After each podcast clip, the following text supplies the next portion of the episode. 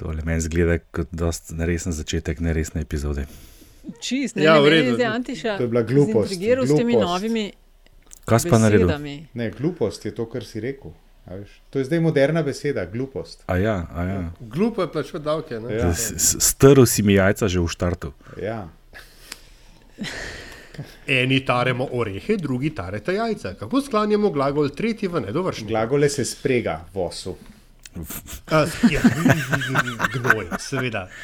Profesor Lenas je Lipovšek bi se obračala v grobo, če bi bila že mrtva, ampak ker je še globoko živa, uh, zdaj se po mojem samo gleda v tla in si misli, kaj sem jaz to vzgojila. Zdaj, zdaj, zdaj, što se reče temu? Antiša je v kali zatrl slavista v tebi. Ja. Oziroma poskus slavista v tebi. Ne, ne, lektor v Antiši je Tako, tako, za to, Ja, da literata ja, meni. tako, ne. ja. Tako, ja. To se Sam to lahko jaz iz prve roke pričam, da je Antiša glede tega kar uh, strikten. Iz najnih popovskih dnevov vem, da sva bila med tistimi, ne vem, če nas je bilo veliko Antiša, to boš mogoče Se, ti vedel, da ne. ki smo tudi v delovnih verzijah tekstov pazili, da je pisalo, kot mora pisati. U, Za razliko od enih To drugih. lahko Ja, samo je. potrdim. Mislim, da, da smo z Antišo že razgalila na eno, na eno dolgo poznanstvo in občasna srečanja izven mikrofonov. Moram potrditi, da poleg eh, izjemnega zanimanja in znanja, ki ga izkazuje na področju parkovnih ureditev evropskih velemest, je tudi izjemen specialist za jezik in to ne samo za materinščino, ampak tudi eh, za tujščino, skratka, zelo rad popravlja. Ni pa nadležen, moram priznati, ni pa nadležen besede. In z, zahvaljujoč njemu, recimo, vem, zakaj se it's pathetic ne sme v slovenščini prevajati kot to je patetično. Oh, ja, Ampak se reče- In isto za ultimativ in ultimativno. Ja, jaz ne, bi rekel, pate, patetik bi prevedel ne usmiljanja vredno ali nekaj podobnega. Ne. Patetično ima en drug Mhm. pomen v Ja, slovenščini. Drži. Res je. No, in potem, eh, da, eh, preden greš špica, ne, bi jaz tako rekel: ne, slikal sem en oglas za neke kreme, ne, ki gre takole. Booster za nočno nego obraza z novo power-up formulo. A, a je v redu ali ni v redu? No? Čist Po materialno. mojem, te je kar skrb stisnili nekje v določenih delih. Ne. Ti jajca skrb potegnili. No, Kje besede ti grejo pa Antiša najbolj na živce? A- A pri tej materin pa materni jezik? A tukaj, ne, to nisem tako občutljiv. Ne, Zdaj, ne, zdaj tako. v, tem, v tej fazi mi gre najbolj na živce, ne vem, ne bom, eh, ne bi, eh, to mi gre res. Aha, ne znam. Eh, Ja, ne znam. Pa tako, pa zanj sem videl uh, na Instagramu od enega nekoč respektabilnega slovenskega medija, da je bilo napisano do zdaj skupaj. In to ne enkrat, kar bi lahko razumel kot napako, uh, pač pa dvakrat. Ne? In tako. Kdo, kdo? A kdo pa to pa ne? A si, si hotel reči, da je bil to medij, kateri je bil nekoč respektabilen? Ja, tako je. Tako je. Kateri je U, bil? ta Ja. Pa meni, ta pa meni, kot si ne po koncu postal. Kateri. Ti pa kaj, host pol ena avantgarda tle novega jezika ali kako? Pa ne samo jezika. Če Zuckerberg ustvarja nov univerzo, metaverse, a veš, bo pa hojst nek slovničen slo, slovers, a veš. Mislim, itek jaz ne vem, kaj je z vami problem. Slovenščina se vendar nosi v srcu in ne na jeziku. Uh, ja, res je. Res je. In jezik mora biti živ, in tole je verjetno eden najdaljših uvodov pred špico v naših epizodah. Skoraj je to že dolg Bondov intro pred ne, špico. To me spominja malo na tisto debato o unem, kaj je že, kaj je že un fusbaler, kaj je že tisti. Ja, Veliko veliko Ja, je. Ronaldinho, Messi, ne, kaj je že? Messi, Messi. A, mi- a, ja, mi- a je to, no. A veš, kaj smo To imeli je to pa spet debato. rasturov. Ja. Um, sem zanj sem gledal, en, en mu je pa ful podoben, zanj še en gol dal sem videl, tam na eni tekmi, rdeč je bil oblečen. No, ja. Iličič, ne? To me spominja no, na, te, a veš, na te debate. Tole. Zdaj se mi zdi, ker Antiši se mudi danes. a ne? Uh, se res. Uh, Ja, ja. ja. Zdaj mi kar tle, kar bla, bla, bla in sploh še ni špice. Šefica reče: Špica je že šla, sam je A že nisem. šla? Jo, kako sem se bil nisem nepozoren. spustil. Evo, čak, da špico najdem. Evo, kje smo? Pred nami je častna naloga. Lepo pozdravljeni vsi skupaj, po dolgem času se znova vidimo. Boljše puška v koruzi kot top v množici. Več afer, kot bodo sproducirali, bolj bom grizla in sekala lov. Vlada nima načrta za zapiranje. Kakršno koli sodelovanje s strankami, ki danes podpirajo škodljiva ravnanja te vlade, A sploh želite čim prejšnjega konca te epidemije? Te razprave ne bom nadaljeval, pa ne zato, ker ne bi bil poguben, ampak zato, ker eh, nisem neumen. To je LDGD, Podcast, ki nikogar ne podcenjuje in ničesar ne jemlje preveč V resno. imenu svojih najbližjih in v božjem imenu vas pozivam na lov. Danes zapravljate dragocen čas tukaj. Aljaš, vprašanje poslušalca Gregorja, zakaj ni več kacina? Čakaj, čakaj, čakaj, time out.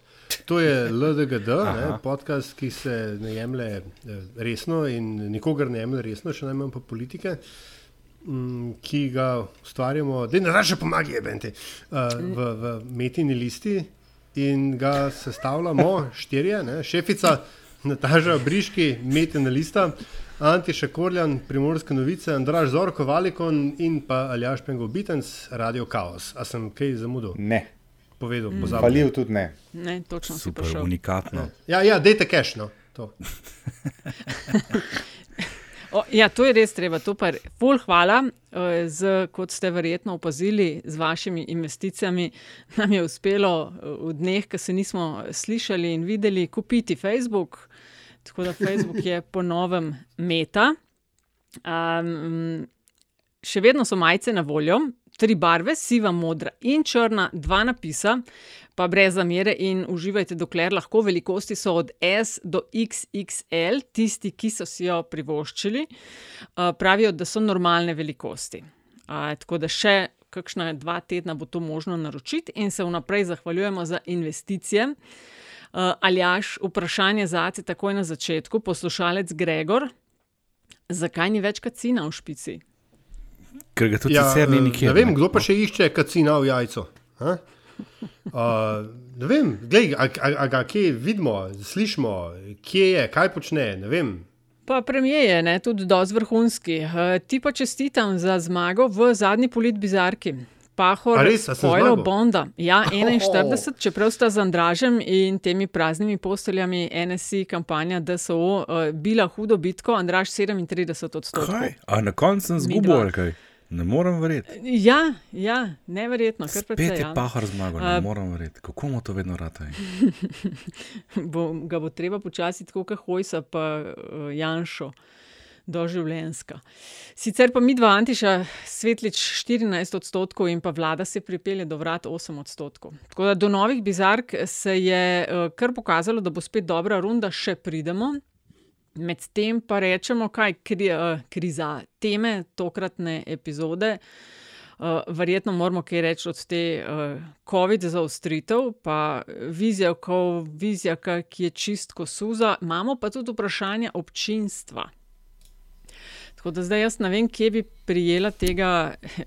Bika. Kozla za roge. Z, za roge, za roge. A Čemo začeti z, z vprašanjem publike. Uh, se bo navezvalo na, ok, lahko, poglej, evo, naredim kratek uvodek. Razen, če si imel kakšno konkretno vprašanje v mislih. Ne, ne, ne, ne, ne. to, kar pač eh, ti, ti, ti dobiš v, v, v generalni nabiralnik. No, pol bom pa s tem uvodom začela. Se pravi, imamo pred dvema letoma, glih na novembra, so zaznali prve okužbe s COVID na Kitajskem.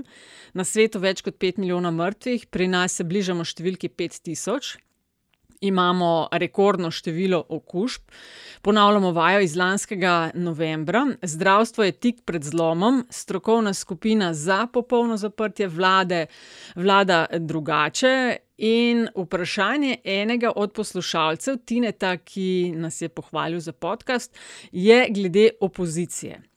Namreč, glede na vse dogajanje v zadnjem letu, pravi, da se ne more znebiti občutka, da je bilo priložnosti, ko bi uh, lahko bili vem, v prednosti, bilo res nešteto in se sprašuje, kaj manjka opoziciji, da bi bolj uspešno izkoristile vse neumnosti in afere te vlade. Uh, so premalo krvoločni, citiram, premalo populistični ali enostavno samo premalo sposobni, povezani in preveč usmerjeni sami vase. Se pravi, glede na vso štalo, ki se dogaja, COVID, vizija, ki je in podobno, kaj manjka opoziciji. Po mojem, je, po mojem je poslušalec kar v redu zadev, ko je našteval razloge in je omenil premajhno povezanost. Ne.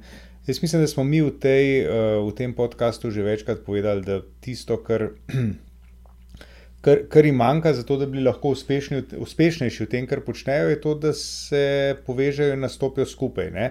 Se pravi, da bi potegnili uh, roke iz žepov, razklenili prste, na katerih so verjetno še vedno kakšne fige, in uh, skupaj nastopili proti temu, kar sicer, ko jih gledaš na televiziji in bereš v časopisu, vedno izpostavljajo kot uh, največji problem te države. To je pač vladavina uh, trenutnega predsednika vlade, njegove stranke in njegove koalicije.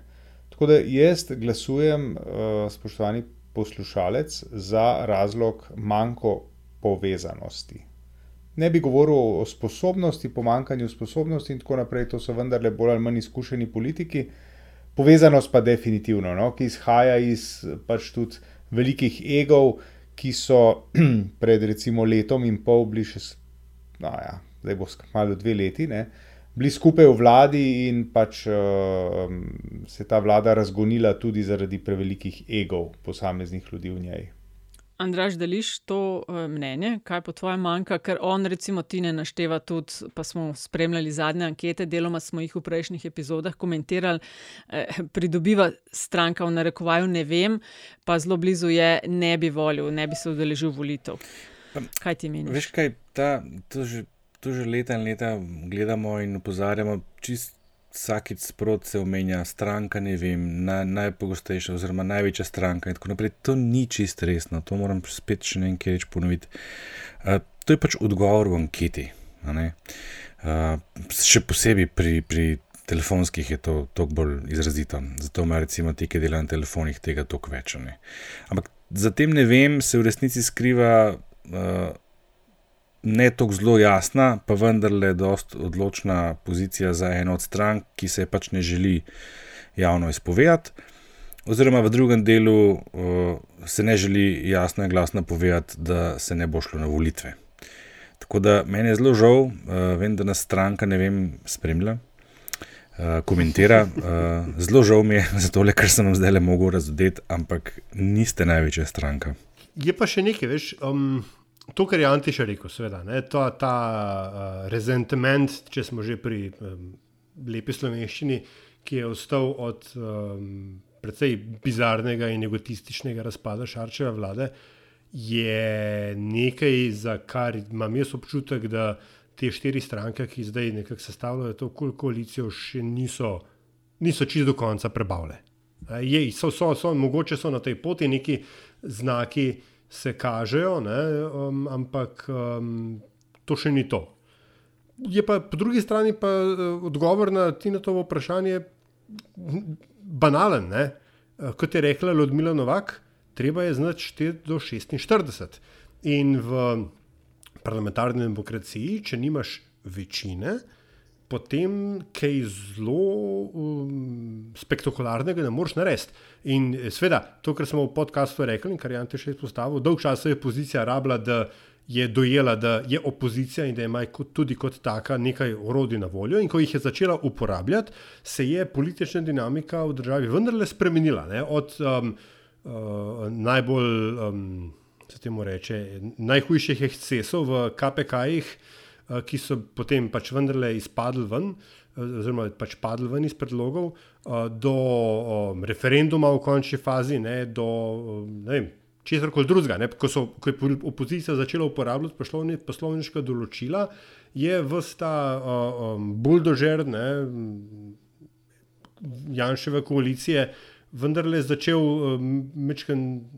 Pač upočasnjevati, in, in stvari niso šle več tako gladko. Uh, je pa eh, v, v odsotnosti večine v parlamentu, um, ker ta, ta barijera med tem, kaj lahko narediš in te, to, kar bi rad, pa ne, pa ne moreš, je, je, kar, je kar očitno. No? In mislim, da se pač opozicija, predvsem v to barijero, zalatava. Pač tistih tri, štiri glasovi manjkajo in to je to.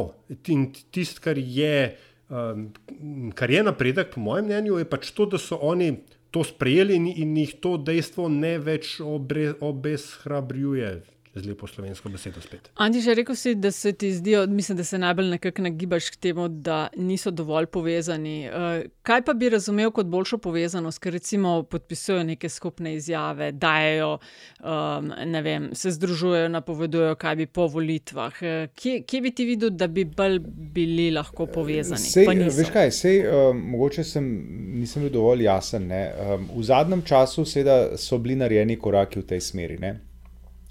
Ampak uh, v minulem letu, odkar je nastala ideja o Kulu, o koaliciji ustavnega loka, ne, je, bilo pa, je bilo pa kar precej, ne bom rekel, soliranja, ampak precej preigravanja, taktiziranja in tako naprej. Vsak je mal gledal, kaj mu. Kakšne poteze njemu oziroma njegovi stranki najbolj koristijo. Zdaj, v zadnjem času, se pravi, kaj je to zdaj, še en mesec, mogoče mesec pa pol, uh, so bili narejeni koraki v to smer. Ne? Vprašanje seveda je, ali ne bi bilo smiselno teh korakov uh, narediti prej um, in s tem učinkoviteje nagovoriti uh, lastni volivni bazen, na katerega računaš. Mm. Vprašanje za te, uh, Andraš, ker pač redno. In dnevno, ali pa vsaj tedensko, premetavaš te številke, pa kdo ima koliko podpore, pa zaupanja, in tako dalje. Ne?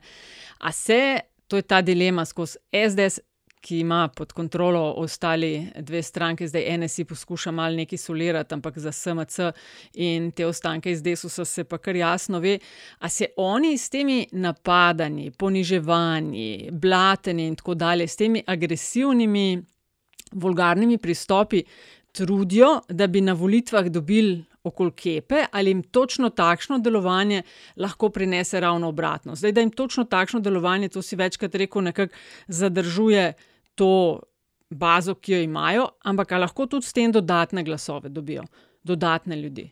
Veš, kaj treba ločiti, to smo tudi večkrat podarili. Ne?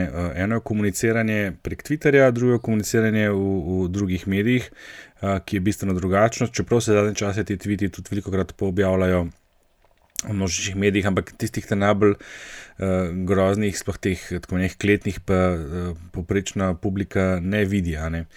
Jaz mislim, da se je SDS znašla v eni hudi zagati, da se kar dobro zavedajo, kaj se dogaja. Oni so, kot sem že zanč upozoril, na zadnjih volitvah že izgubili, oziroma niso uspeli nazaj pridobiti tistih bolj zmernih voljivcev, ki so jih volili še leta 2011.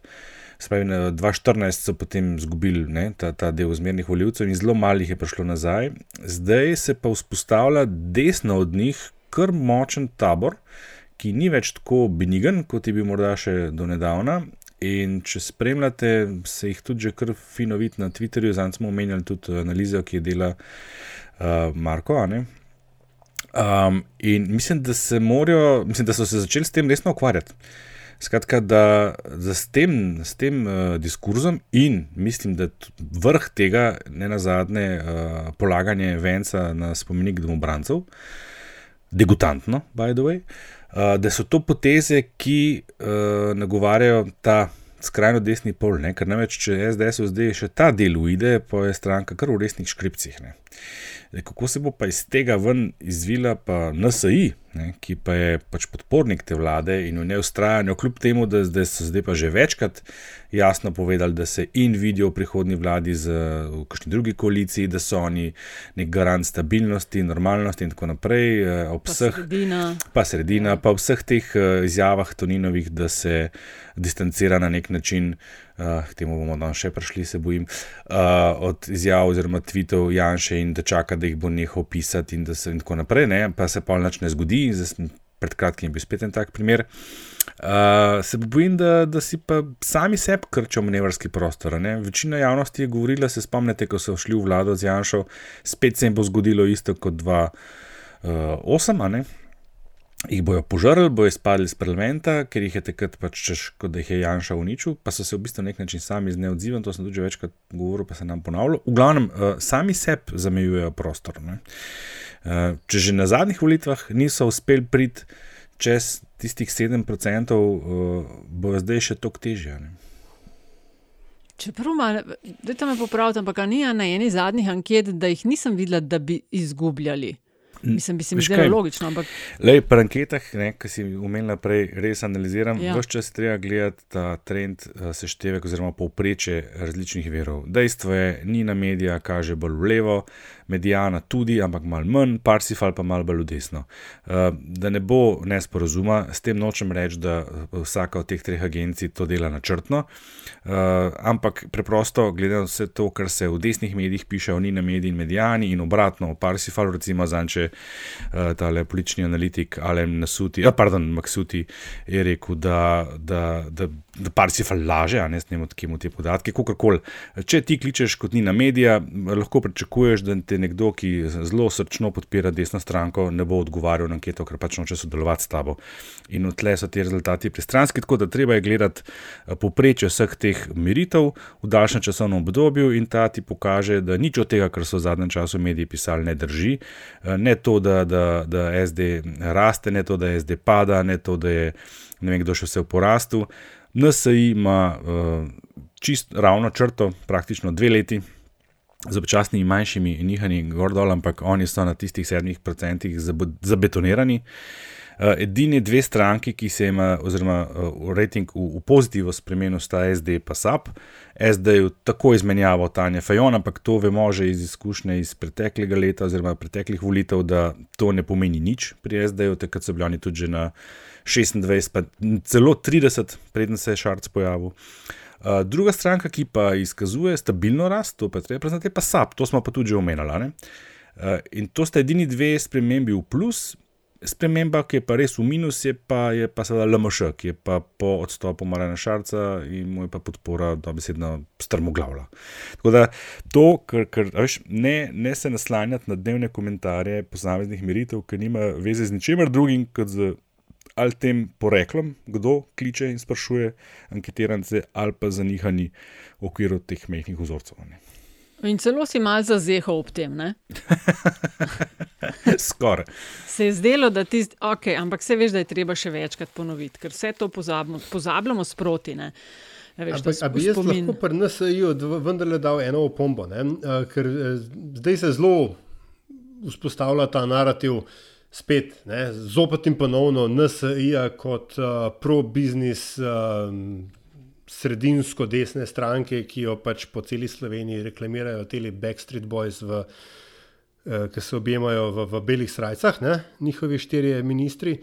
Um, ampak uh, tukaj in, in tukaj jaz vidim m, pomembnost ne, tega Janševega polaganje venca by proxy, ne, kjer je še bolj degutantno kot to, da je premijev uh, venc tam, je to, da je to naredila garda slovenska vojska, ki pa, ne, če jaz kaj vem, slovenska vojska namreč črpa svojo um, historično legitimnost iz partizanskega boja, ne, kar je, kar je, kar, um, to je najbolj degutantna z mojega vidika uh, moment v, v, tej zgodbi. Ampak, skratka, ne, ne kaže pozabiti, da je znotraj NSA obstaja tudi ta, da mu je reči, domobranska frakcija, ne, ki je, um, jo personificira ta združenje Nova Slovenska zaveza. Ne vem, če, če ga še vodi Petr Sušnik, nekdanji ljubljanski mestni svetnik, ki je SDS-ov, mim grede. Ne, um, In je, in je veš,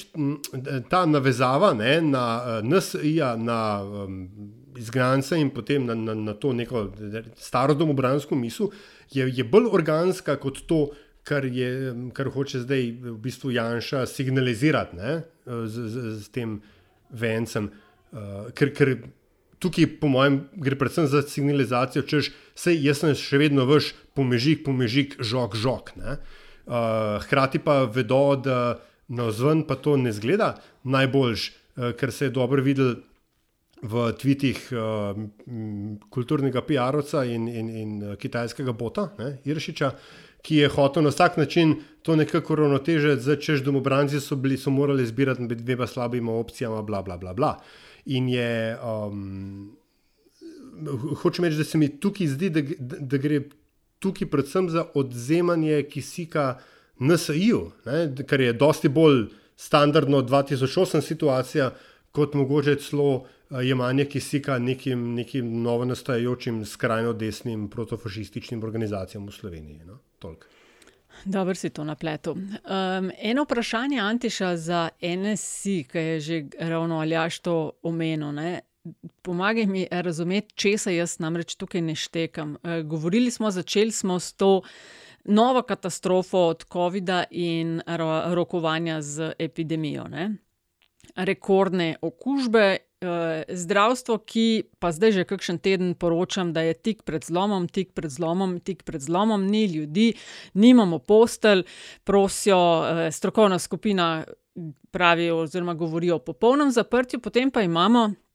Stranko, ki dela kampanjo s tem, koliko mest v DSO-jih je ponovem na voljo, NSI in Tunina, ki reče, zapiranje gospodarstva ni opcija, ker smo izvozno naravnani. Zdaj, če se jaz klele ne razumem. Na eni strani kriki, da bo vse propadlo, in na drugi ne, zapirali ne bomo. Denar čez vse. Ja. Mislim, zdaj tukaj tudi meni marsikaj ni jasno. Meni tudi recimo ni jasno uh, ob milijonu cepljenih, vendarle ne. In uh, po skoraj, zdaj pa že skoraj dveh letih epidemije in uh, pet tisoč mrtvih in toliko in toliko tisoč prebolelih, mi upičmo najvišji najvišji skor ever v enem dnevu in to danes, ne? oziroma pač na, uh, na sredo 3.11. Meni tukaj ni nič jasno. Kar se tiče pa. Kar se tiče pa, pa ne dvomim, da mi bojo uh, uh, popoldanski virologi in epidemiologi to znajo razložiti. Um, kar se tiče pa NSA, je pa tako. Ne? Jaz mislim, da tukaj lahko govorimo o blago sfuzljani situaciji v vodstvu te stranke, zaradi tega, ker tam tam so tako, tako kot jaz opazujem, brez enega resnega koncepta. Ne? Mislim, mogoče imajo koncept, ki je napisan, pa mu pa tako selektivno, selektivno um, sledijo. Mi imamo uh, danes primer, uh, o katerem bomo verjetno tudi kaj rekli, ne, ti razširjeni posnetki uh, od Petana in, in uh, Vizjaka, ne, kjer je uh, NSA rekla, da bodo raz, tako odločni bili, ne, razmislili bodo in se potem odločili, kaj storiti ali vizija še, še uh, uh, uživa njihovo zaupanje. Skratka, tako ena, ena, ena um, se mi zdi to eno združenje, ki tako šiba, tako malo po vetru, kot ga oni zaznavajo. No, tako bom rekel. In potem pač ne. Hkrati, kot si rekla, Nataša, ti ne, hkrati skrbiš za zdravje, ampak hkrati uh, se odpoveduješ uh, nečemu, kar bi verjetno, verjetno delovalo vsaj na kratki rok. Ne? Govorimo o lockdownu, trdem lockdownu, ki bi, pač, mm, mm. Uh, ki bi ga lahko upeljali. Ne? Mene pa pri tem je še ena stvar. Jaz nisem, jaz nisem zaznal tukaj enega poziva uh, pri vsej tej uh, razpravi o tem, kako omejiti. Uh, omejiti uh, um, širjenje okužb. Uh, mislim, veste, ne roko dvigni, dvigne tisti, ki je recimo v zadnjem tednu uh, bil deležen striktnega preverjanja PCT pogoja pri vstopu v različne lokale oziroma uh, poslovne prostore. Ali so to trgovine, ali so to ne vem, karkoli že, lekarne, tralala. Ne? Vedno te pogledajo, vse to pa imamo, a ne da. In potem pač greš naprej. Ne? Ne zavedamo se, da je velik del problema tudi to, da uh, realni sektor, biznis sektor, tega ne izpolnjuje, oziroma ne preverja tako, kot bi moral. Ne? Uh, po zaslugi vidke države, za katero smo si tako zelo prizadevali, pa tudi nimamo nikogar, ki bi jih k temu prisilil. No, pa, pa smo, kjer smo. Pa verjetno tudi, a veš, posledica. Mislim, jaz, vča, mislim, deloma razumem tiste uh, punce, fante, ki nekje delajo in poslušajo dnevno, kako jih nadirajo. A veš, kaj morajo njim kazati, ti študentka, pa od mene že ne boš. Mislim, se strinjam popolnoma, ne, da bi se to morali pregledati, če že imamo taka navodila oziroma pravila. Igre. In če, nismo, in če sami Ampak, nismo, če nismo, rekel, uh, um, tako disciplinirani, da bi se držali tistega, česar bi se morali držati. No. Veš, kaj je presenetljivo? Um, po naših podatkih, pogoju P ali C ustreza že skoraj štiri petine populacije starejše od 18 let. Jaz te logike ne razumem, ne? zakaj se nekdo boji to preverjati, če pa po, tej, po, tej, uh, po tem podatku v bistvu verjetnost, da nekdo nima P ali C na vratih, je samo ena od pet. Mislim, zakaj prekleto se tako bojijo ali pa bojimo te manjšine? To, ta del meni ni jasen. Zato, ker je glasna, agresivna in neugodna, lahko Pengovski podeli. Uh, Oprosti, Andraš, ko rečeš, bo, bojimo kdo. Pa bom pa podelil. No, pač vsi ti, ki, ki bi morali preverjati, pa ne preverjajo. Ne? Oziroma, preverjajo na ta domačijski način, kot sem ga zanjčil imenoval. Vse imamo, ne imamo, ja, seveda imamo. Ma, veš pa, jaz mislim, da gre tukaj, v, um, pridemo mi nazaj, ne spet cel krog do, ne, do os, osnovnega problema nezaupanja. Ne. Ker je država ta PCT uvedla prvič na, um, da ima reči, ustavno sporen način, ne, ker take, takih stvari ti ne uveljavljajo z odlokom. Zato raboš zakon. Francozi so to uvedli z zakonom, so ga, um, zakon je napovedan dva meseca pred, pred uveljavitvijo, predstavlja vse ustavne ustavne presoje, in ko je zakon stopil v veljavo z grdo slovenščino, so bili sicer neki protesti, ampak zdaj to vsi. Vsi, vsi, vsi večinoma spoštujejo. Pri nas je to oblast tako rekoč naredila čez noč, potem je kot vedno, ne, je bilo milijon enih izjem, odvisno od tega, kdo je zadnji govoril z kakšnim resortnim ministrom. In potem so rekli, no, sej, zdaj pa je na vas, da vi to izvajate. Ne, tako je Antiš rekel, ker smo hoteli imeti vitko državo, zdaj pa bo pa privatni sektor in potem, če privatni sektor tega ne naredi, je pa ta grd. Ne. Uh, in, in je vso to, to nezaupanje, ki, ki je nastalo, je pač posledično v, uh, pelje do živčnega folka, do, do zaposlenih v realnem sektorju, ki to izvajajo ali pa ne. ne in to nas pa pripelje do te zgodbe, ki sem jih tudi na, na Twitterju že malo pisal, pač bil sem v banki. Uh, um, punca za šaltem je rekla, no, boste pa PCT pokazali, na kar lik pade ven, bil pa, ajde, ne, ne, 65 let star. Malo starejša, vidva, fanta. Um, in, in, in, uh, začne, in začne, pazi, ti, ti začne razlagati, da je v zuni 20 tisoč teh ponarejenih potrdil, in da on pa svojega že ne bo pokazal, zato ker ne vem, ker njegove pa ta prav. Pa jaz, ko gledam, pa mi ni več jasno, pa veš, ko v banki govoriš o ponarejenih 20 tisoč, sem mislil, kva si denar ponarejen, prinesel noter ali kva. In po enem desetih minutah, ko je prišel še šef filijale in ga začel uh, uh, um, tam pripričvati, da drugače ne bo šlo, pa groziti z varnostnikom, sem se, sicer po, verjetno po neumnosti še jaz to pletel, ne? pa rekel, da dajmo to pokazati, ker se je ne zaradi njega, ampak zaradi nas vseh, pa itak je tam samo v službi. Na, na, na, tip je še kar naprej gunžal, sej, pazi, pol na koncu je pokazal, ne, ti, ti spacete in je bil karkoli pač prišel na res v banko, so poli spalali. Ampak odnos ljudi do PCT-ja je sovražno nastrojen. Odnos tistih, ki bi morali PCT izvajati, se pravi zaposlenih v teh raznih firmah, je um, dubiozen v najboljšem, v najboljšem primeru, ker točno vejo, kaj bo sledil. In ergo, veš, če ni tega osnovnega zaupanja in hkrati zavedanja, da je to je za naše skupno dobro, potem iz te moke ne bo kruha. Problem je pa, po mojem, v osnovi v načinu, kako je bil ta PCT uveden in kako je zdaj kar naenkrat, potem ko je vlada rekla, uvedli smo ga, zdaj pa je vaš problem, da boste vi to izvajali ali pa ne No, izvajali. to ti lahko Klej, jaz vidim srž te. Potrdim številkami. a ne. Prej sem omenil 80%, ki ustrezajo kriteriju PC, ampak delež ljudi, ki pa podpirajo uh, uresničevanje PCT pogoja, je pa nižji, je pa 60. Uh, ker mi imamo kar nekaj ljudi, ki so cepljeni, so za cepljenje, so pa proti PCT. To smo enkrat, mislim, da že tudi tle omenjala, ne, da uh, pogoj PCT. proti, da se preverja. Da se, da, tako je. Ja. Aha. Ampak to razmerje 60-40, uh, ki je bilo izmerjeno zadnji vikend, je pa vseeno precej drugačno od tistega, ki smo ga izmerili pa takoj po 15. septembru. Ne? 15. september je ta menik, o katerem je v bistvu Ljaš govoril, ta spet zelo šlampasta uh, uredba, a ne, ki je pustila ljudi kar naenkrat pred benzinskimi črpalkami brez goriva in bes, ki je iz tega išel in se je zvalil na koncu dobesedno na obvoznico.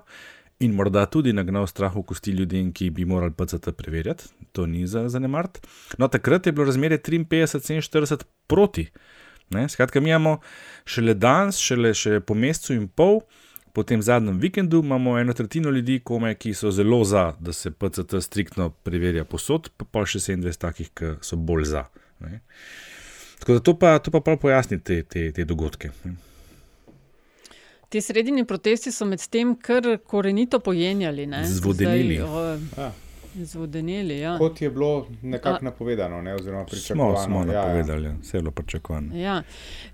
Jaz pa zelo rada tudi med drugim klepetam z ljudmi, zdaj seveda ne samo uh, moj mehurček, ne, ampak uh, širše, kaj si mislijo o vsem tem, in, je, in so podobne reakcije. Sicer redko, da to, mislim, tudi se najdejo za kaj preverjanje in tako dalje. No. Ampak ena stvar, ki jo pa ob tem vsem, kar se dogaja, rečejo, je pa naslednja. Uh, da veš, kaj je katastrofa, ampak sej, če bojo volitve, vse bo po njih isto. Zakaj bo ali pa ne bo isto po volitvah, za kere zdaj že vemo, da možno, da bodo predčasne, pred pomladjo jih pa, glede na potek dogodkov, uh, verjetno ne bo. Svej, zakaj mislijo, ne vem, da bo, ali pa zakaj mi, vi, uh, bi argumentirali, da ne bo isto. Ne? Ker zelo očitno, mislim, zelo slaba situacija je v državi. Ne?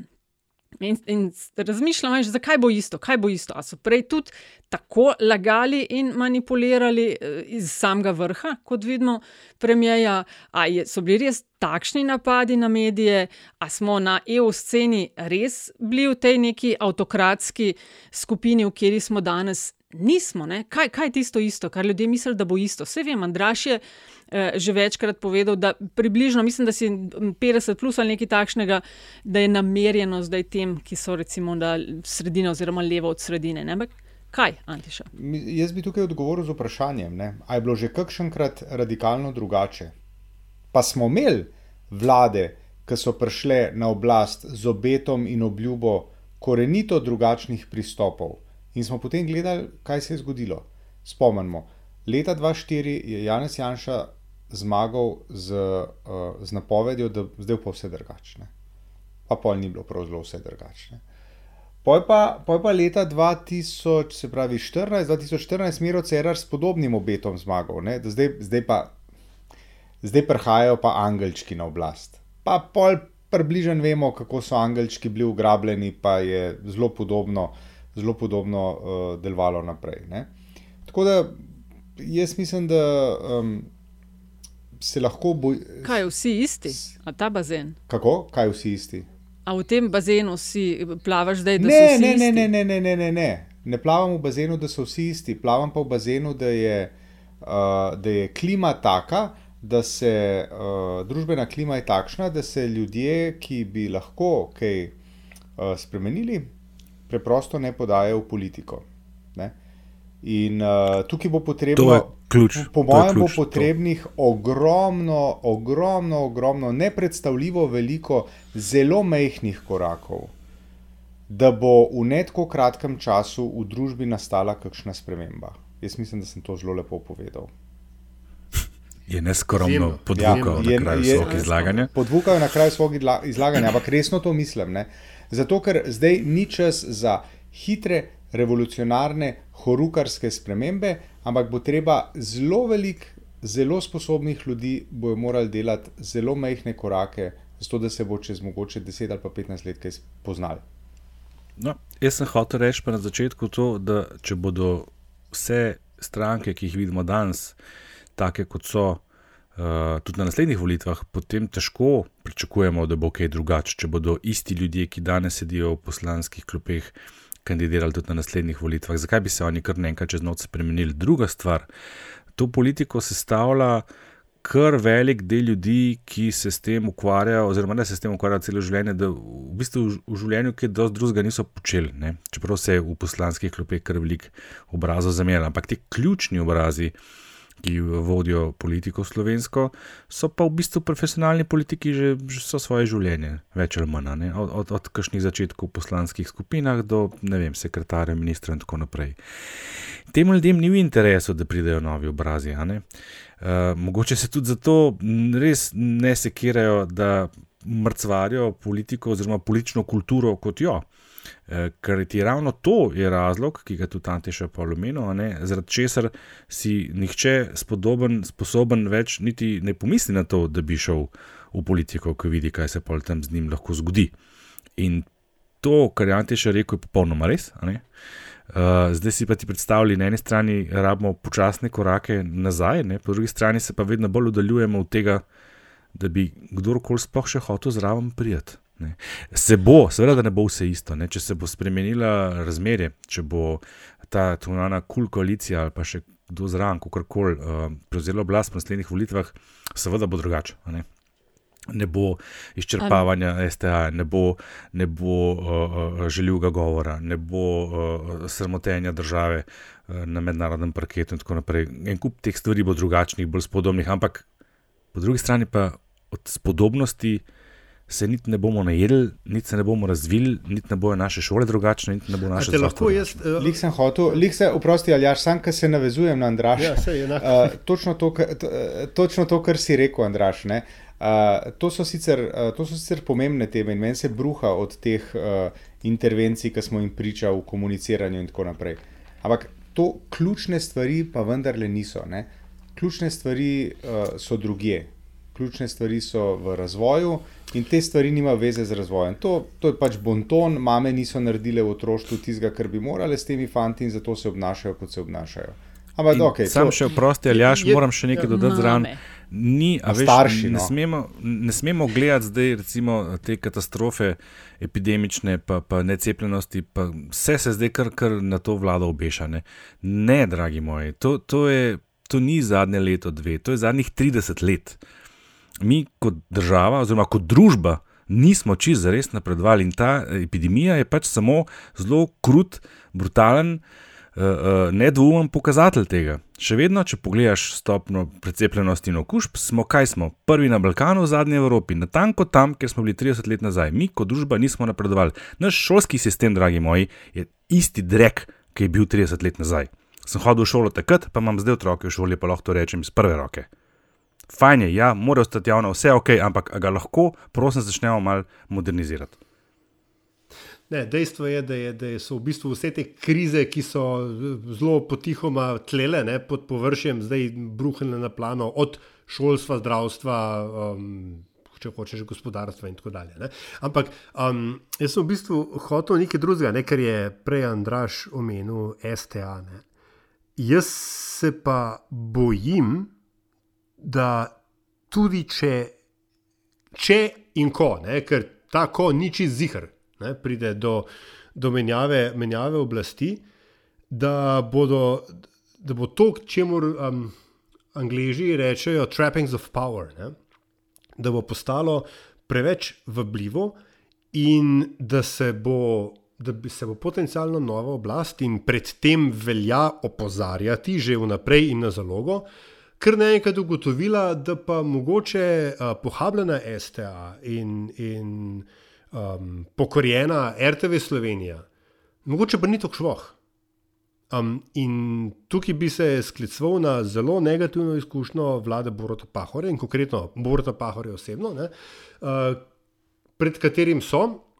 Takrat, ko je postal premijer, um, nekateri naši kolegi, novinarski, um, zelo naivno um, defilirali in ga prosili, da naj za božjo voljo vendar nekaj, nekaj stori na temo medijev. In kar je Borod Pahor, ne, zelo um, kvazi liberalno, rekel: Ja, veste, jaz se pa v medije ne bom upletal. Ne?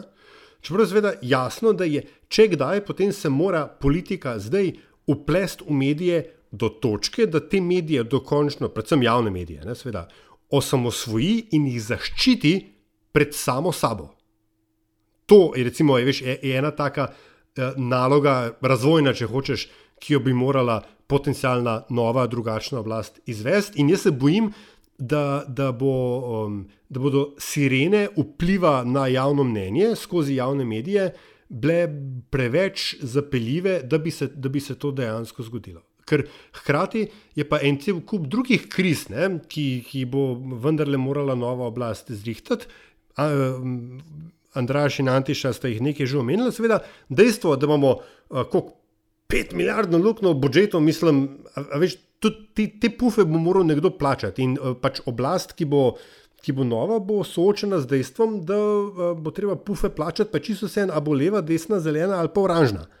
In, je, in, je, uh, in bodo določene realnosti udarile same po sebi, in tudi zato nekih hudih premikov ne bo moč narediti takoj. Tako kot recimo Alenka Bratošek, ko je, ko je uh, takrat zamenjala Janša 2013. S čim je bila soočena z državo, ki je imela, ne, če, kot je rekla zadnjič, tri mesece, za tri mesece keša. Ko imaš ti za tri mesece keša, je, je zelo malo stvari, ki jih lahko narediš, ali pa ki bi se jih mogoče lotil, če, če bi bilo vse, vse normalno. Tako da uh, tudi to so pač realnosti, ki čakajo, ne, uh, ki nas čakajo po volitvah in zaradi katerih. Uh, Samo potencijalno uh, odstranitev Jana Zajanša z oblasti še ne bo pomenila Indije koromandije, kvečemu obratno, takrat bodo stvari šele zares postale jasne, kako zelo globoko v, pardon, izrazu, pizdi smo. Ne. Kar smo v podkastu LDGD, mislim, da že nekaj rekli. Še eno stvar bi v razmiselni obtok dala, ko si omenil besedo vpliv. Um, namreč, a veš, kaj mi je dalo misliti? Pred dnevi je recimo predsednik Pahor imel en tak resen poziv ljudem, dejte se cepati ob tej vse slabši situaciji. Imeli smo člane Komisije za človekove pravice pri Sazuju, ugledni akademiki, ki so poslali pismo poslancem, da naj ustavijo uh, to uh, drvenje v avtokratskost, in tako dalje.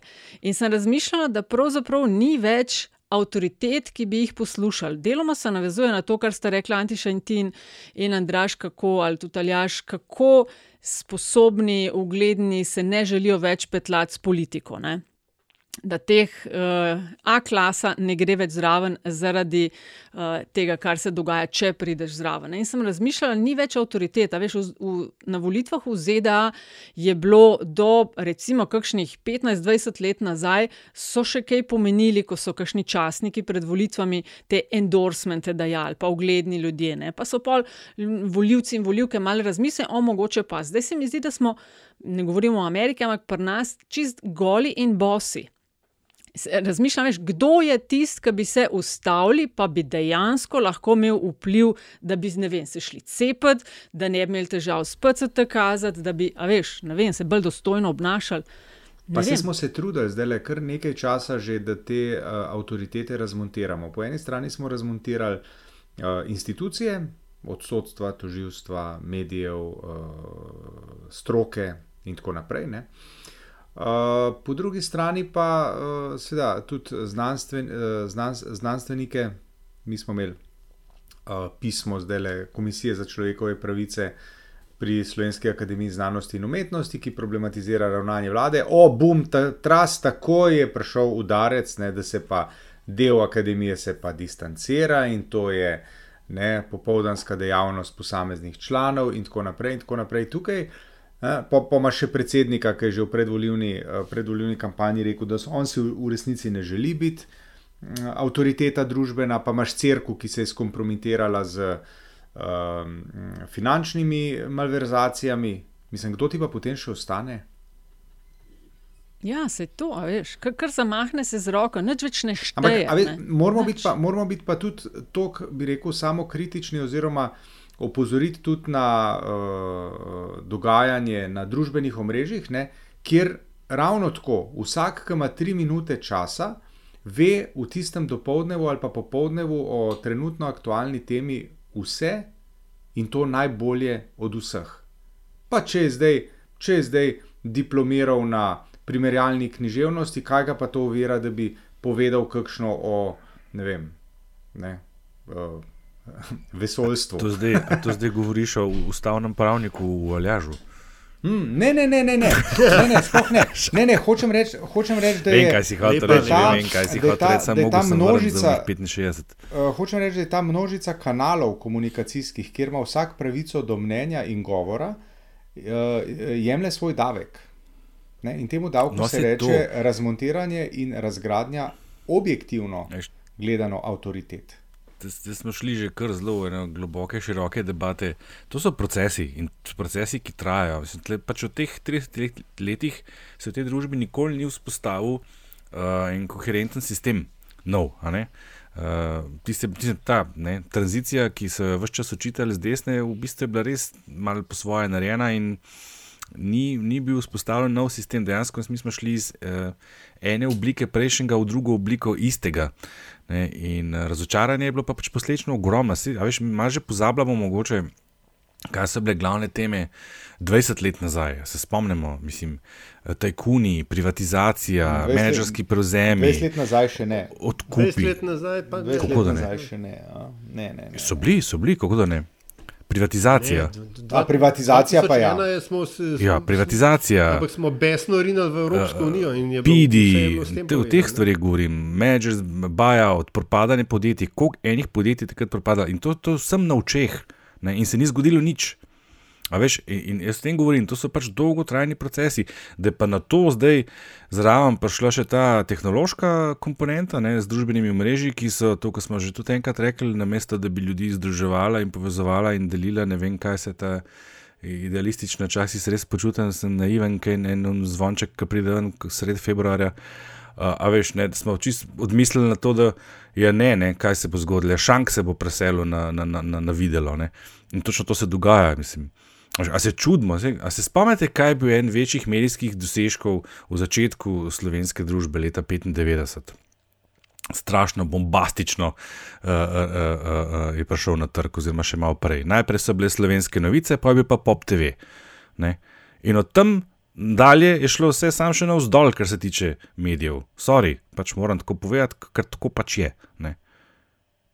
Senzacionalizem v medijih je naredil svoje. Jaz vem, da sta vidva oba tam delala, vem, da vidva nista kriva, ampak sta pa verjetno tudi znotraj to spremljala, kako je to šlo. Vemo, kaj je bila uh, ta tako imenovana Perovičeva šola. Tako da, lej, Do neke mere bi se ogromno, strinjal, ma- ogromno marsi- stvari, veš. Do neke mere bi Ja, pa rekel, vem, malo- ne, malo ne, posplošujem, Ne, ne, tako, do neke mere je pa, je pa uh, Pop TV odigral zelo pomembno vlogo, no, to pa je tudi treba reči, ne, da je pregnal iz slovenskih medijev novinarstvo tipa je rekel, je poudaril. To pa tudi moramo vedeti. Ampak, ampak ja. ne, jaz mislim, da je škoda, ki je senzacionalizem naredil in slovenskimi novicami. In, ampak se spet ne, to ni nič posebej slovenskega. Ne. To se je moralo zgoditi, ne. se, se, se tudi posod druge dogaja. Ne. Tako da samo pozarjam, da je tle en kup enih stvari, ki so pač pripeljale zdaj, da smo tle, kjer smo ne, in tega ne bomo mogli čez noč spremeniti. In največja napaka, ki jo lahko naredimo, storimo pri tem je, da bomo imeli spet previsoka pričakovanja. Ne? Tako kot ti Antiša prej rekel, ne? tle bo treba iti res korak po korak, če bomo hoteli nazaj priti. Ampak za začetek bomo sploh morali najprej priti na dno, jaz mislim, da še nismo na dnu, in se odločiti, da hočemo drugače živeti kot družba. Jaz tega recimo trenutno zdaj ne čutim. Jaz zaenkrat vidim samo veliko histerije, eh, delitev, kazanja s prsti en na drugega, prevladale je vrednota. Prevladujoča vrednota v Sloveniji ni zdravje, to smo zdaj dokončno ugotovili, ampak je znajdi se. Ves ta nek mali kriminal, ki se pa upravičuje. Kaj, kaj bo rekel prečen slovenc enemu, ki je nekje eh, okrog nekoga prinesel? A bo rekel, lega lopova, ne, on bo rekel, znajdu se. In to počne večina ljudi. Znajdejo se, vse, vse mislim, imajo kakšne drugačne vzore, vsi, vsi gledamo dnevno. Ja, znajdejo se, ja, znajde se še ti, ne. Ja, pa se bomo pa vsi znajdli, pa, pa je, pa bo kar bo, pa je bi ga. A Imamo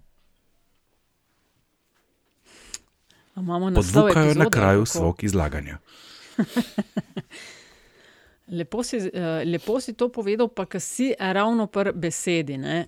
In ker se bližamo koncu, pa imamo še eno vprašanje občinstva. Smo danes že malo menjali tole glede udeležbe, čistko, da ne bom res pozabila, ker sem že dvakrat pozabila. Namreč vprašanje je bilo, v redu, zdaj smo pomankanje avtoritet, noben noče v politiko več, eh, ali pa malo pretiravam. No. Eh, Skratka, resne težave so, v odstotki tistih, ki pravijo, da ne bi šli na volitve, da nimajo koga voliti in podobno, eh, so vse večji in večji. In pol imamo vprašanje, ne, iz dveh delov je. Če te, ki ne vejo, koga voliti, ker noben ni ne vem, dovolj dober, kak, kakršen koli razlog že, če ne grejo na volitve, komu se bo to štelo, oziroma kdo bo s tem pridobil. In drugi del istega vprašanja, če pa grejo ti, ki ne vejo, kaj voliti, na volitve in oddajo neveljavni glas, v čigav nabor se to šteje. Bojo imeli na ta račun relativni zmagovalci veliko manj, oziroma ka, kako se to obrne. Jaz vem, Andraž, da si to že. Eh, Da smo v LDGD že govorili o tem, ampak dajmo še enkrat, če ker bo še treba še veliko Ja. ponoviti. Ne, v, v obeh primerih je rezultat isti. Sej, eh, ne, uh, spravi, uh, če ti uh, ne greš volit, ali pa če greš na volišče, pa daš uh, neveljaven listič, je na koncu rezultat, ko se razporeja sedeži enak. Se pravi, z manjšo deležbo pridobivajo v resnici vse stranke, če predvidevamo, da je manjša udeležba enakomerno porazdeljena, oziroma da, da manjša udeležba pomeni, da se ne voli strank, ki bi na novo prišli v parlament. Jasno je pa, da v taki igri ima vedno največ od tega tisti, ki je največji, ker samo tisti, ki je največji, lahko ravno s tem pride čez nek prak, oziroma lahko še z nekom doseže neko večino. Ne. To je zdaj od predpostavke, da se stvari normalno porazdeljujejo. Jaz sem prej že na začetku epizode povedal, da če uh, to skupino ne vem, uh, še enkrat vprašamo, kaj pa če to, to opažamo in v naših raziskavah, ki jih sicer res bolj redko delamo.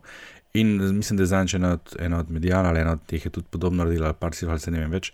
Ne, koga pa vseeno bi, če bi se enem volila, ne, te ne vem, se na koncu tisti odstotki porazdelijo približno enako, kot se na začetku. Tle ni bolj levo ali pa bolj desno, ta ne vem. Ne. Uh, večina pa reče, ne bi šel. Tako da, če ne bo nekega uh, novega igralca, novega obraza, kako koli temu rečemo, če ne bo prišlo do kakšnih uh, večjih sprememb znotraj obstoječe konstelacije, potem se ne bo tudi v razmerju, kaj či za res spremenilo. Razen tega, seveda, da jaz desusa ne vidim več noter. Uh, SMC bi utegnil prijeti ne sam, ampak skozi kakšno drugo navezo. Pa tudi neko CMC. Pa ta, veš, kaj sem opazil, ja. uh, spet bom Parsifal omenil. V Parsifalu redno objavljajo podatke tudi za gibanje Povežimo se. Hm, to je zelo jasen indic, da, da se tam nekaj dogaja, da imajo neke namene s tem. Oni čisto redno tam namerijo temu gibanju, ki se enkrat, ko je že tisti eh, naslov unga benda, eh, sila, ko se iznenadno pojavljala in rešava stvar. Ne. Oni so se kar naenkrat.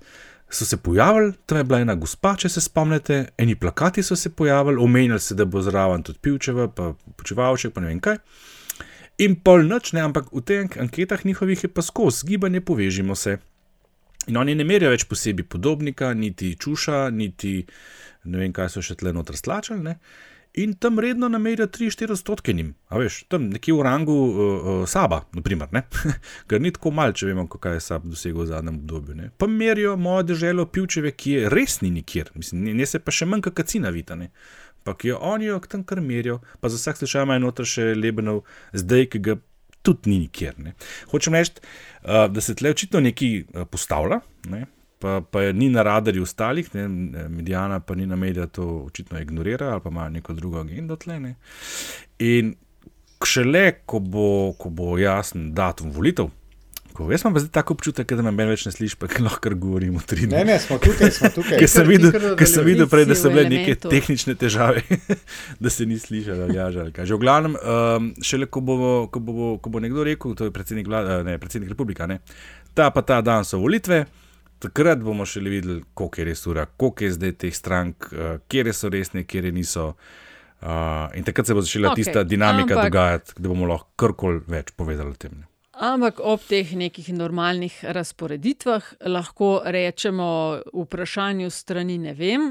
Se pravi, če ali bodo imeli relativni zmagovalci veliko manj ali še vedno 20-25 odstotkov uh, glasov kot zdaj.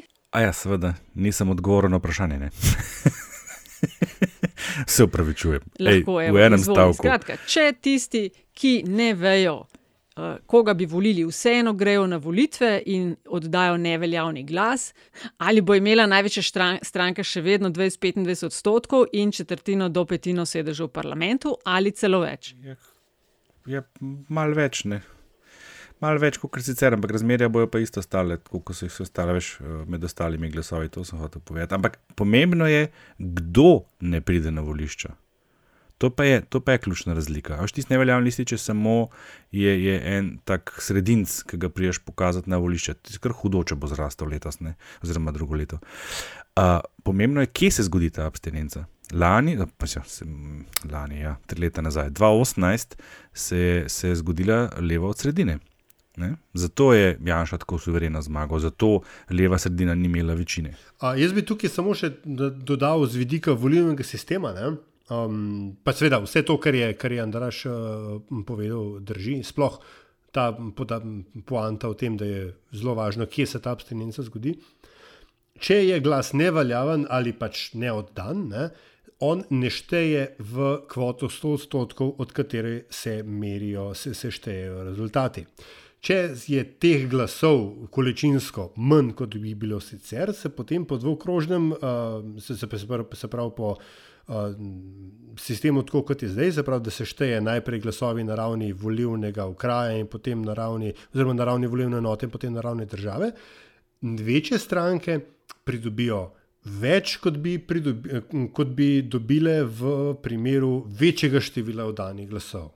Torej, lekcija tu je, če imate uh, svojo stranko, v kateri ste um, predani, oziroma bi radi, da pride v parlament, potem je treba za to stranko glasovati, ker na mesto vas ne bo te stranke glasoval, uh, za njo glasoval nihče drug in vaš neoddan glas gre v kvoto eni drugi stranki, ki jo pa vi gotovo ne bi volili. Ne? To je ta osnovna logika volilne matematike tukaj.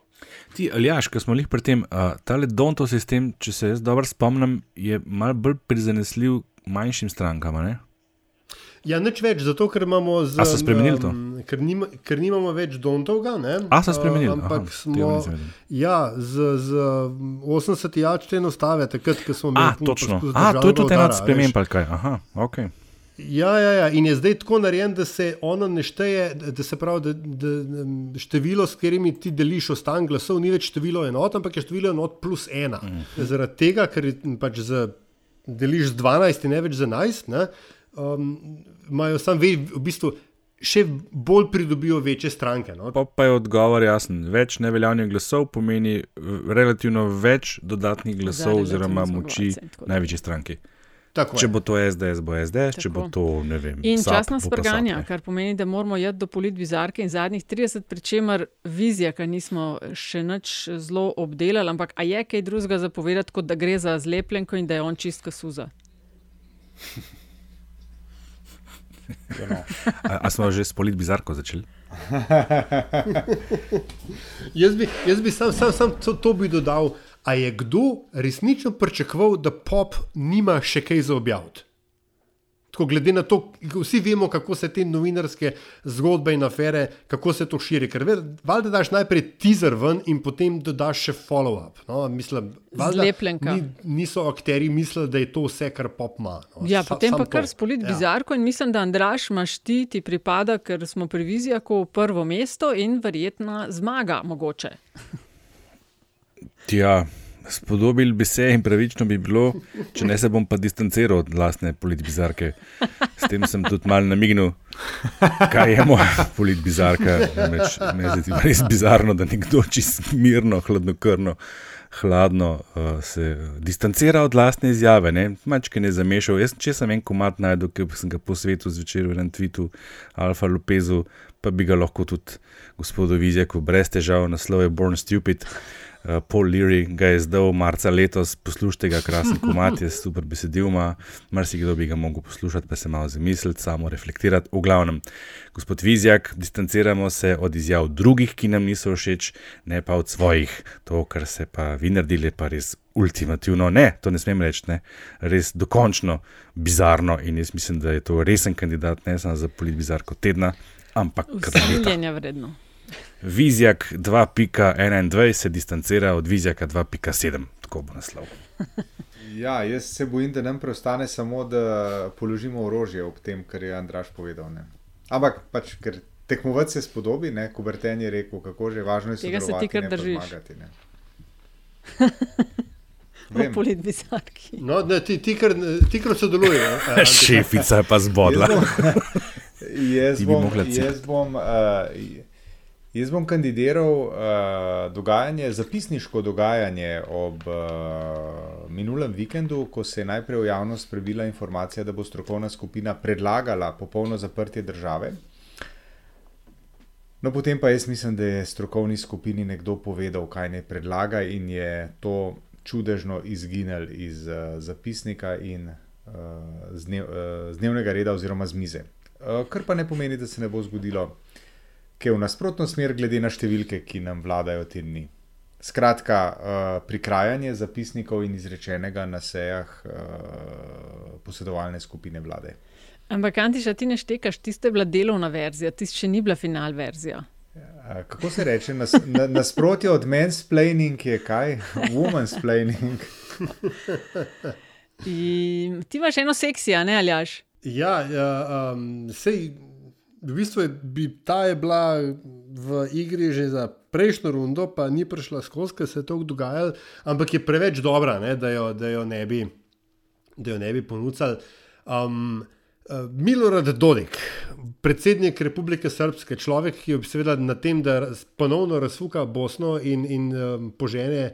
Uh, vojno tam, medtem ko cel svet gleda stran, kar je mimo grede nekaj, kar bi bilo fajn preprečiti. Uh, je znan tudi po tem, da uh, je še vedno prepričan, da je uh, Pukni Zoro um, srpska narodna pesem in uh, da je nekaj, kar je Robert Pešut Magnifico sestavil za film uh, Montevideo, Bog te je mislim, da ga je Andrine, Gašpor Andrine ga je zadnjič predlagal za politbizarko in jaz to z veseljem kooptiram. Ne, se pravi, Milorada Dodika in njegovo prepričanje, da je uh, Pukni Zoro um, prihaja iz globine srpske duše in temnih, zače, se pravi, mističnih začetkov srpskega naroda. Ne, Ko pa je v resnici, Ajde, 1300. ja, ne, ko pa je v resnici produkt uh, balkanskega šlager pjavača, ki živi tam v Kosezah.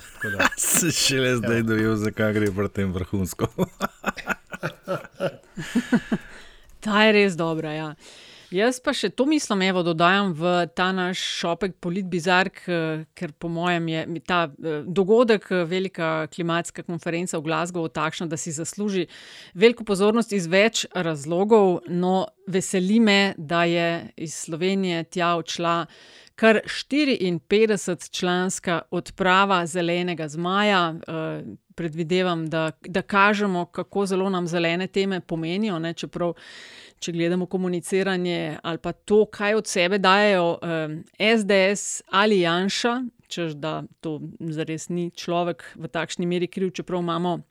Več kot 99 odstotkov vseh raziskav na to temo kaže, da je ja, človek. No, ampak mi smo šli v Glasgow 54 članska odprava za 1,2 milijona evrov. To se mi zdi še, še kar hudo. To je pa moj predlog. Spustili smo v polaganje venca na grob fašistom. Pardon, smo ga pomenili v epizodi. Ja, se je, je, je dobro resno bizarno. analizo, To, to pa ni bizarno, mislim, to pa ne. To ja, je že beyond mm. tega. Ja. Ja, prav, potem pa um, bomo preložili link. Ne? Hvala za vaše glasove in gremo v zadnjih 30, torej to je 30 sekund, ki jih ima vsak na voljo, da na koncu pove, kar želi. Anti še želi povedati, kaj. Česnat men, Netflix, šest epizod. Uh, to je bil pa najkrajših zadnjih 30 v zgodovini. Najkrajše, tako si pa nadoknadil. Zato sem si prizadeval. Zato sem si wow. prizadeval. Um, uh, jaz pa film tokrat, sem pa tudi na Twitterju že to napisal, ampak verjamem, da niso vsi na Twitterju. Gledal sem, uh, to je bil zdaj drugi, se mi zdi, film, ki se resno loteva COVID-a. Moram priznati, da zelo težko gledam te filme.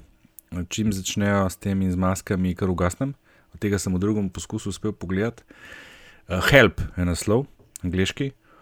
Uh, z enim vrhunskim umestnim delom, 26-minutnim, v enem kosu, več pa ne bom povedal, da ne bom preveč uh, kvaril. Da ne, Da ne bom pahor. kvaril, da ne bom pahor. Ja, tako. v glavnem, pogledajte si ga, od- odpira film, odpira oči, malo boste trpeli na trenutke, ampak je vredno in, in je na mestu. In verjetno je tudi dober pokazatelj, kaj se je tudi v Sloveniji dogajalo v DSO-jih. Tako da uh, res srčno priporočam, zelo fajn v pogled v prvi val epidemije v Veliki Britaniji, se pravi spomladi lani. Uh, fajn igra, fajn posnet. Um, poglejte si ga, Help na Cinemax se rola. No, in zato, da, boste, da boste poplahnili ne, um, to um, slabo volo in um, spoznanje uh, o brezupnosti situacije, eh, ki bo po Andraževem eh, priporočilu verjetno ostalo na jeziku, si pa lahko spet greste nazaj na Netflix in, ti, in si pogledate The Unbreakable uh, Kimmy Schmidt.